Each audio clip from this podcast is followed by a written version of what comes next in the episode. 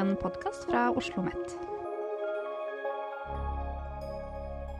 Du lytter til Kaipodden, som er en podkastserie fra Kompetansesenter for arbeidsinkludering. Kaipodden handler om arbeidsinkludering, utenforskap og velferdspolitikk. Mitt navn er Talje Sadegi, og jeg er forsker ved Arbeidsforskningsinstituttet her på Oslo OsloMet. I dag skal vi snakke om Navs nye virk virksomhetsstrategi, som ble lansert denne høsten. Nav er en av de viktigste aktørene i den norske velferdsstaten, og kanskje den aller mest sentrale når det gjelder arbeidsinkludering. Etaten forvalter om lag en tredel av statsbudsjettet og har et sam sammensatt samfunnsoppdrag. Den skal bidra til arbeidsinkludering og sysselsetting, og gi økonomisk og sosial trygghet til innbyggerne. Og nå har de altså lansert en ny strategi for perioden frem til 2030. For bedre å kunne realisere disse målene. Med oss i studio i dag har vi arbeids- og velferdsdirektør Hans Christian Holte. Velkommen til studio. Tusen takk. Aller først, Hans Christian. Den nye strategien har fire overordnede ambisjoner for tiden frem til 2030. Kan du kort si litt om hva disse ambisjonene er? Det kan jeg gjøre. Veldig hyggelig å komme hit uh, for å snakke litt om, uh, om Navs planer framover. Vi har fire ambisjoner hvor tre er eh, det vi kan si er utadretta. Det er effekter som Nav skal ha på samfunnet. Eh, rett og slett noe som vi ønsker å få til som verden rundt oss merker. Og så er det én ambisjon som er mer for, for, vårt eget bruk. Det er rett og slett uh, hvordan vi skal utvikle oss som organisasjon. De tre sånne eksterne ambisjonene, det er for det første at vi ønsker at vi skal mobilisere arbeidskraft i et arbeidsliv i omstilling. Og det er jo for så vidt ikke nytt at uh, Nav skal jobbe med arbeid, men uh, der er det nok enkelte nye elementer som jeg kan komme tilbake til. Men altså, det er ambisjon nummer én. Ambisjon nummer to det er at folk skal få penga de har krav på, så enkelt og forutsigbart som mulig. Den, ja, det sier seg selv hva som ligger i den. Eh, og den tredje ambisjonen det er at vi skal finne løsninger sammen med dem som trenger det aller mest. Det er de tre eksterne ambisjonene våre. Altså eksterne i betydningen de skal folk kunne merke eh, på utsiden av Nav. Og så har vi en siste ambisjon som sier at sammen skal vi løse samfunnsoppdraget. Det går på altså hvordan vi jobber i Nav, at vi skal være eksperimenterende, at vi skal være en lærende organisasjon, ha tillit til hverandre kunnskapsbaserte eh, osv. Ja, takk for det. Eh, det høres jo ut som fornuftige ambisjoner, dette. Men eh, så lurer jeg litt på hvordan den nye virksomhetsstrategien er forskjellig fra den forrige som gjaldt for perioden 2011 til 2020.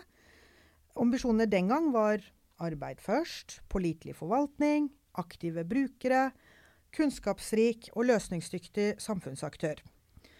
Er det ikke sånn at den nye strategien er mye av det samme som den tidligere, bare formulert med andre ord? Og var det virkelig da behov for en ny virksomhetsstrategi, er vel spørsmålet. Ja, eh, nå må jeg jo si at jeg var ikke i Nav da eh, vi utviklet den forrige strategien. Eh, så jeg skal ikke være altfor bombastisk, bare lite grann, med den eh, strategien og hva jeg, hva jeg, sier om den. Men, men jeg oppfatter den som noe mer heldekkende eh, enn den strategien som vi nå har lagt fram. Eh, at den kanskje var litt mer verdibasert, men, men, litt mer heldekkende, som sagt. Eh, det jeg eh, tenker er viktig med den nye strategien vår, er at jeg tror den innebærer en retningsdreining for Nav på flere områder. Og La meg gi, meg, gi noen eksempler på det. Eh, for det første for å ta den med arbeidslivet. Eh, Nav mobiliserer arbeidskraft i et arbeidsliv i omstilling. Da er det sånn at vi tidligere kanskje sa i Nav at vi skal ha folk så raskt som mulig ut i arbeid. Eh, det sier vi ikke lenger. Vi legger vekt på at det skal være en varig tilknytning til arbeidslivet. Det er en uh, ny uh, dreining vil jeg si, i hvordan Nav tenker om det å hjelpe folk ut i arbeidslivet. At det ikke skal bli en sånn type svingdør hvor folk fort kommer ut igjen, At vi ikke skal telle hvor flinke vi er til å dytte folk raskt ut i arbeid, men at vi er opptatt av rett og slett en varig tilhørighet. Så det er en dreining der. Også en sterkere vektlegging av at vi samarbeider med arbeidsgiverne. Og det er en veldig viktig samarbeidsrelasjon eh, i det vi gjør. Og så er det jo også i selve overskriften på denne ambisjonen eh, at arbeidslivet er i rask omstilling. Det vil også stille krav til oss hvordan vi eh, jobber. At vi er flinke til å hive oss rundt, se hvor behovene er, se hvordan vi kan f.eks. hjelpe mange til kompetansepåfyll, som du jo trenger for å gå inn i nye roller i arbeidslivet. Så det er noe av det den nye ambisjonen dreier seg om, som jeg opplever egentlig gir mer retning, kanskje, enn den eh, tidligere strategien ga. Så har jeg også andre vurderinger av disse andre ambisjonene. Jeg vet ikke om jeg skal fortsette å si noe om, eh, om de to neste og hva Nei, det går bra. Vi kan komme tilbake til de. mm. Eh, det var fint. Um, så la oss ta eh, noen av disse ambisjonene som du har beskrevet for oss. Eh, den ene handler jo om dette med å mobilisere arbeidskraft, som du sier, i et arbeidsliv i omstilling. Eh, og som du var inne på selv, dette fordrer tettere samarbeid med og involvering av arbeidsgiverne. Så blir spørsmålet hvordan skal, hvordan skal dere få til det? Og altså, what's in it for arbeidsgiverne? Hvorfor skal de være med på dette? Det vil jo innebære fordi at de satser på personer som på ulike måter har utfordringer i arbeidslivet eh, med å få arbeid og beholde arbeid. Hvorfor skal de gå for den type personer når de kan ansette personer uten utfordringer? Ja, for det første så er det jo, så er det jo tenker jeg, eh, et spørsmål i dag. Eh, ja, kan de det? Kan de ansette folk uten, eh, uten, enkelte utfordringer? I hvilken grad har de muligheten til det? Jeg tror jo eh, veldig mange arbeidsgivere og mange bransjer i Norge i dag de skriker etter arbeidskraft. Og da, er, da, mener vi det er veldig viktig at vi mm. ser på det vi kan kalle arbeidskraftsreserven, som ligger i den store gruppa, som kanskje med noe tilpasning og med noe kvalifisering, altså kompetansepåfyll, mm. kan komme inn i arbeidslivet og bli veldig gode arbeidstakere. Det er rundt 700 000 eh, mennesker i Norge i dag som av ulike grunner eh, står utenfor arbeidslivet, selv om de er i eh, arbeidsfør alder, som det heter, altså mellom, si mellom 18 og 67 år. Og, og, i den gruppa så finnes det mange som ønsker å bidra i det norske arbeidslivet, men som kanskje krever noe ekstra. Nå som vi har en ledighet, arbeidsledighet på under 2 eh, i Norge, så er det et veldig riktig tidspunkt å virkelig gå inn for dette med eh, inkludering. Og da, er, eh, da, tenker jeg denne strategien setter en strek under det. At vi, vi må finne måter å jobbe sammen med arbeidsgiverne på for å få det til. Og da er det er jo også sånn at vi har veldig mange eksempler i dag eh, ute i fylkene som jeg har reist rundt til eh, siste året. Så ser jeg jo godt samarbeid hvor vi, både har med utdanningsmyndigheter, vi har med arbeidsgivere. Vi får kvalifiseringsløp f.eks. For, for de som har eh, hull i CV-en eh, på, på, en arbeidsplass. Da får vi også mer en varig tilknytning, som også er en del av, eh, av denne nye ambisjonen. Mm. Ja, så var det denne varige tilknytningen da som du påpekte var en av forskjellene, en av de tingene som skiller denne strategien fra, fra den tidligere strategien. Så blir spørsmålet hvordan, hvordan skal Nav få til det? Eh, fordi Nav kan jo hjelpe folk i arbeid. Eh, og, og, selv om folk har fått god hjelp til å komme i jobb, så kan de jo av ulike grunner på et senere tidspunkt falle ut. Og hvordan skal Nav sørge for denne varige tilknytningen? Er det, er det, gjennom denne kvalifiseringen du snakker om, eller er det andre virkemidler også dere ser for dere? Jeg tror vel at Nav må eh, jobbe veldig tett over tid med arbeidsgivere. Og noe av det som ligger i tenkningen her, det er at vi både skal jobbe godt i forkant av at eh, en person fra, som blir formidlet fra Nav, går inn i arbeidslivet, altså går inn på en arbeidsplass. Da skal vi jobbe godt med å, å, rett og slett kartlegge hvilke behov er det som ligger her. Eh, altså Jobbe mye med den matchen rett og slett mellom en eh, arbeidstaker og en arbeidsgiver. Og så er det også viktig at vi da ikke slipper tak i vårt ansvar for tidlig. Og Det dreier seg bl.a. om å se ja, hvilke tiltak, virkemidler kan vi bruke i samarbeid med, med arbeidsplassen, arbeidsgiveren. F.eks. mentorordninger kan være et viktig element i dette. Det er altså at man følger, um, følger uh, opp en arbeidstaker, altså en person som er kommet inn på en arbeidsplass uh, som kanskje har spesielle behov. Det kan være noen uh, rett og slett tilpasningsbehov som det er viktig å følge med på. Og det kan også være at det er kompetanse som man må tilegne seg over litt tid. Eh, da ser vi allerede mange eksempler på at vi har eh, arbeidsgivere som er veldig fornøyd. Altså. Det er noe med at disse arbeidstakerne blir lojale, gode arbeidstakere som kanskje virkelig får en, en sterk eh, lojalitet og ønsker å bli i en jobb. Det er også viktig for en arbeidsgiver. Så jeg tror det ligger mye for arbeidsgiveren her også, hvis vi lykkes med å gjøre dette på rette måten.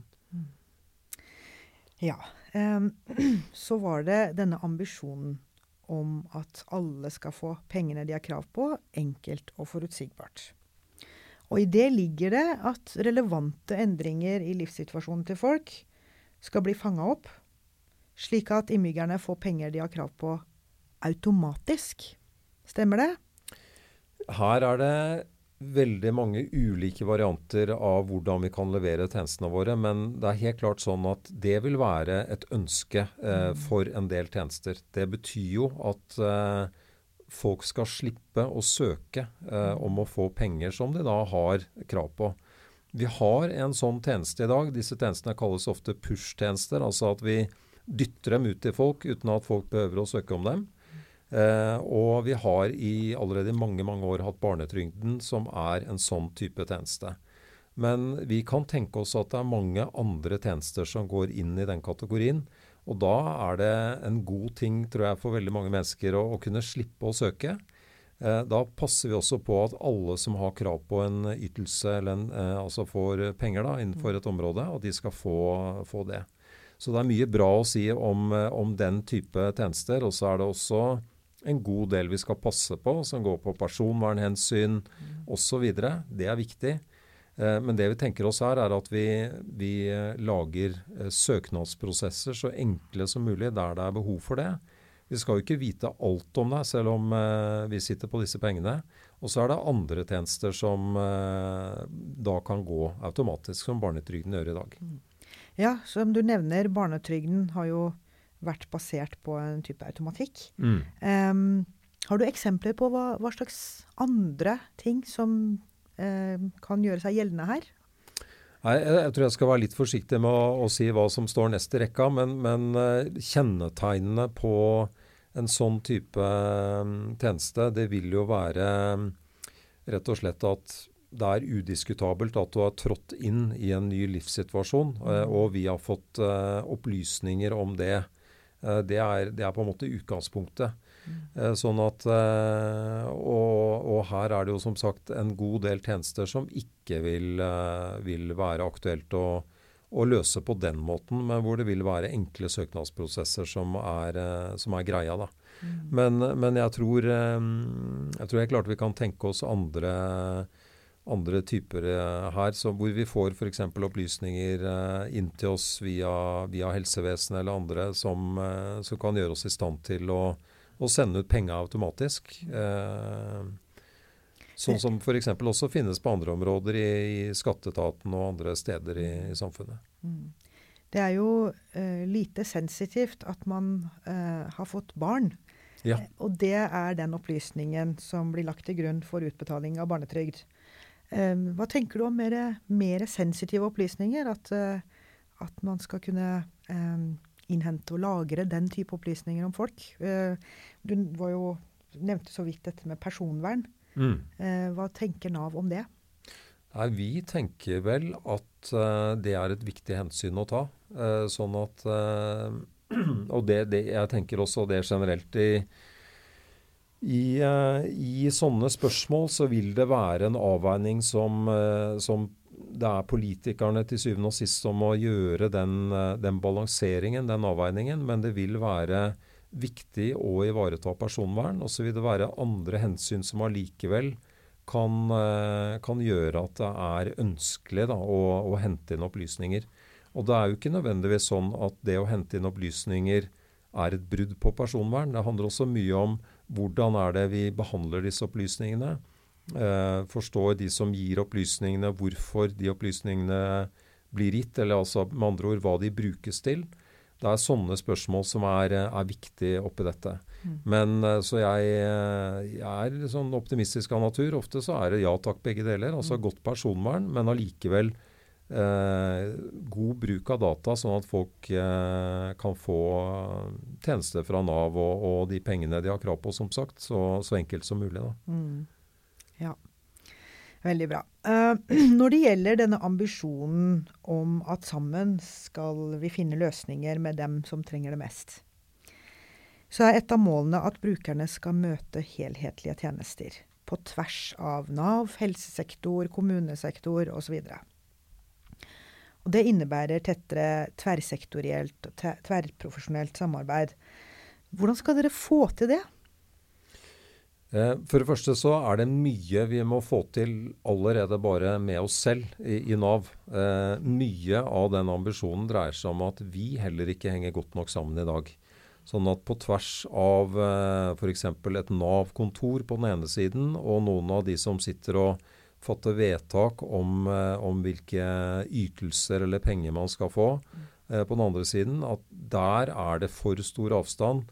Og grunnen til at eh, veldig mange er veldig glad i den ambisjonen allerede i Nav, er at mange nok kjenner på at der er Nav for dårlig. Vi er rett og slett dårligst til å møte de som trenger oss aller mest. Og det er de som kanskje har litt sammensatte behov, som trenger oss over tid og som er i kontakt med ulike deler av oss. Så det er, eh, det er en veldig viktig del av ambisjonen. Men så er det som du sier, det er også, eh, det er også behov for å sørge for at det er en sammenheng eh, mellom Nav og f.eks. helse, og kanskje andre kommunale tjenester, utdanningsmyndigheter osv. Og hvordan vi skal få det til, eh, det jeg i hvert fall eh, kan si, er at jeg syns vi, vi, er på gang. Vi er eh, i gang med mer konkret samarbeid med helsesektoren.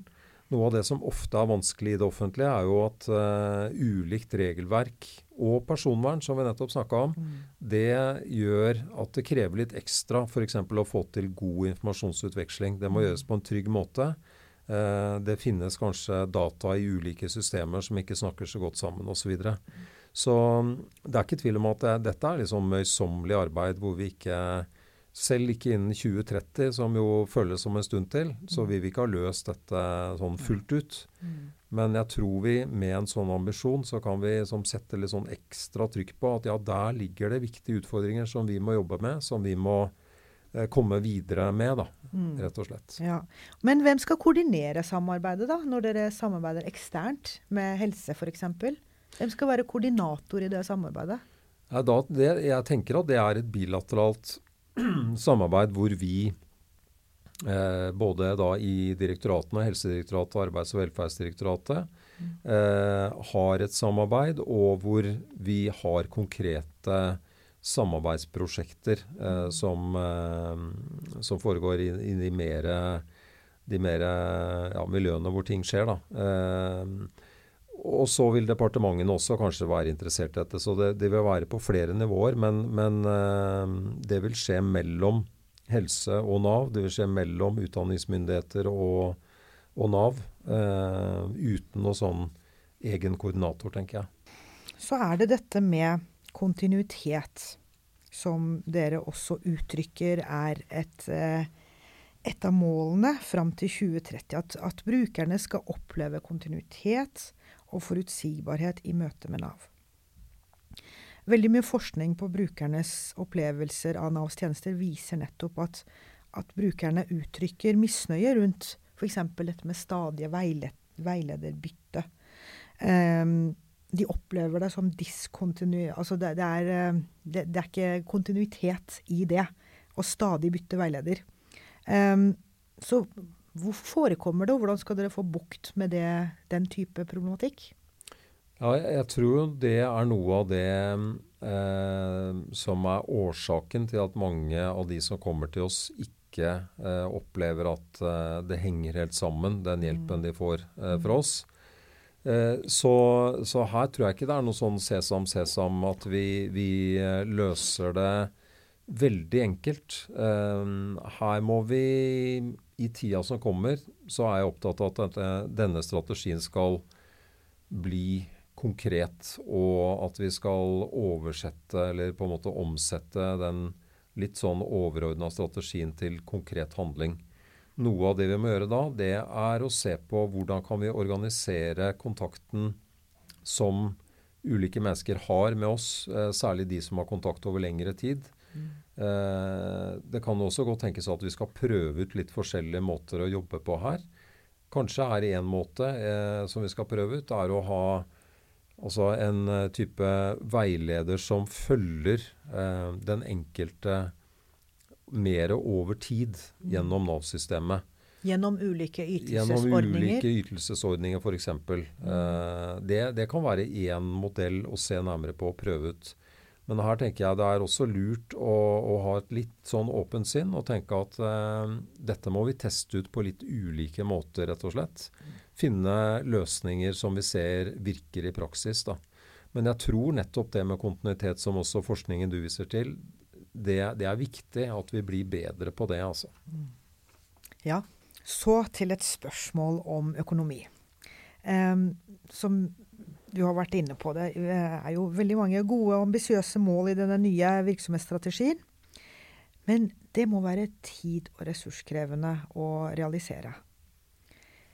Og det er mye som tyder på at tiden fremover eh, kommer til å bli preget av strammere offentlige budsjetter. Som gir mindre økonomisk handlingsrom. Så hvordan tenker du at Nav skal klare å oppnå disse målene med mindre penger? Ja, Det er ikke lett. Eh, jeg tror at én verdi eh, med en sånn strategi, eh, og i, i, alle fall en som ikke dekker alt, det er at den hjelper til med prioriteringer. Så denne strategien ønsker jeg å bruke eh, til å gjøre litt sånn tøffe prioriteringer i Nav i en situasjon hvor vi ikke har så veldig god råd, rett og slett. Det er, eh, det er veldig stort oppdrag som Nav har. Vi, vi eh, skal eh, sikre mennesker økonomisk og sosial trygghet og bidra til aktivitet og arbeid for alle i Norge. Det er et kjempeoppdrag. Veldig, veldig glad i det. Det er stort og viktig, men samtidig så inneholder det så mye. Men jeg tror at hvis vi klarer å konsentrere oss om å jobbe litt godt med de ambisjonene som vi har snakka om her i dag, så tror jeg det er bra. At vi ikke smører oss for tynt utover. Så det er i hvert fall en måte å tenke på, også en litt sånn trang eh, situasjon. Ja, absolutt. Vi må lande diskusjonene her eh, straks, Hans Christian. Eh, men jeg har lyst til å stille et siste spørsmål. Nå sitter vi jo her på Oslo OsloMet, som er én av flere kunnskapsleverandører til Navs utviklingsarbeid. Og spørsmålet er da eh, hvordan forskere eh, som kunnskapsleverandører kan bidra med kunnskap på en slik måte at Nav kan realisere ambisjonene i denne nye virksomhetsstrategien. Hva slags kunnskap trenger Nav for å realisere ambisjonene, og hvordan kan Nav bruke denne kunnskapen? Ja, det, det, er ikke noe lite spørsmål det slutter med. Men, uh, men, jeg tenker jo at uh, vi har allerede vært innom det, og du har vært innom det. Det foregår mye forskning i dag som jeg ser er nyttig eh, for Nav. Og for å ta disse ambisjonene vi har snakket om i dag, så tenker jeg jo f.eks. at det å eh, forske på eh, hvordan mer varig tilknytning til arbeidslivet Hva som skal til, da. Eh, hva som virker og ikke virker i den sammenheng. Når vi nå i Nav leter etter nye virkemidler og, og, måter å jobbe på for å få det til, så vil det være svært verdifullt mm. med forskning på, på de områdene. Eh, og så er det også dette som du var innom med hvordan eh, de som har sammensatte behov, utfordringer over tid, opplever Nav. Altså det å følge med på om vi finner gode løsninger på det, eh, og, og få gjort forskning og evaluering på det. Det er et par store områder som jeg er helt sikker på at vi har stor nytte av Oslo OsloMet og, og, andre gode forskere. Og Hvordan skal Nav bruke kunnskapen? Ja, Vi kommer til å bruke den eh, rett og slett til å, til å, justere virkemiddelbruken vår og, og tenke prøve å lære av, eh, av, eh, hva som virker og ikke virker. Altså, denne fjerde ambisjonen som er mer intern for vårt bruk, som jeg var så vidt innom, den sier noe om at vi, vi tror vi har noe å gå på når det gjelder rett og slett å være det som så fint heter en lærende organisasjon. Altså at vi, vi tar innover oss eh, både de positive og de ikke fullt så gode erfaringene våre, og så justerer vi måten å jobbe på etter det. Det kan ha stor betydning i eh, en så stor virksomhet som Nav. Tusen takk, Hans Christian Holte, arbeid- og velferdsdirektør, for at du deltok i denne episoden av Kaipoden. Veldig hyggelig å komme. Du har lyttet til Kaipodden, som er en podkastserie fra Kompetansesenter for arbeidsinkludering.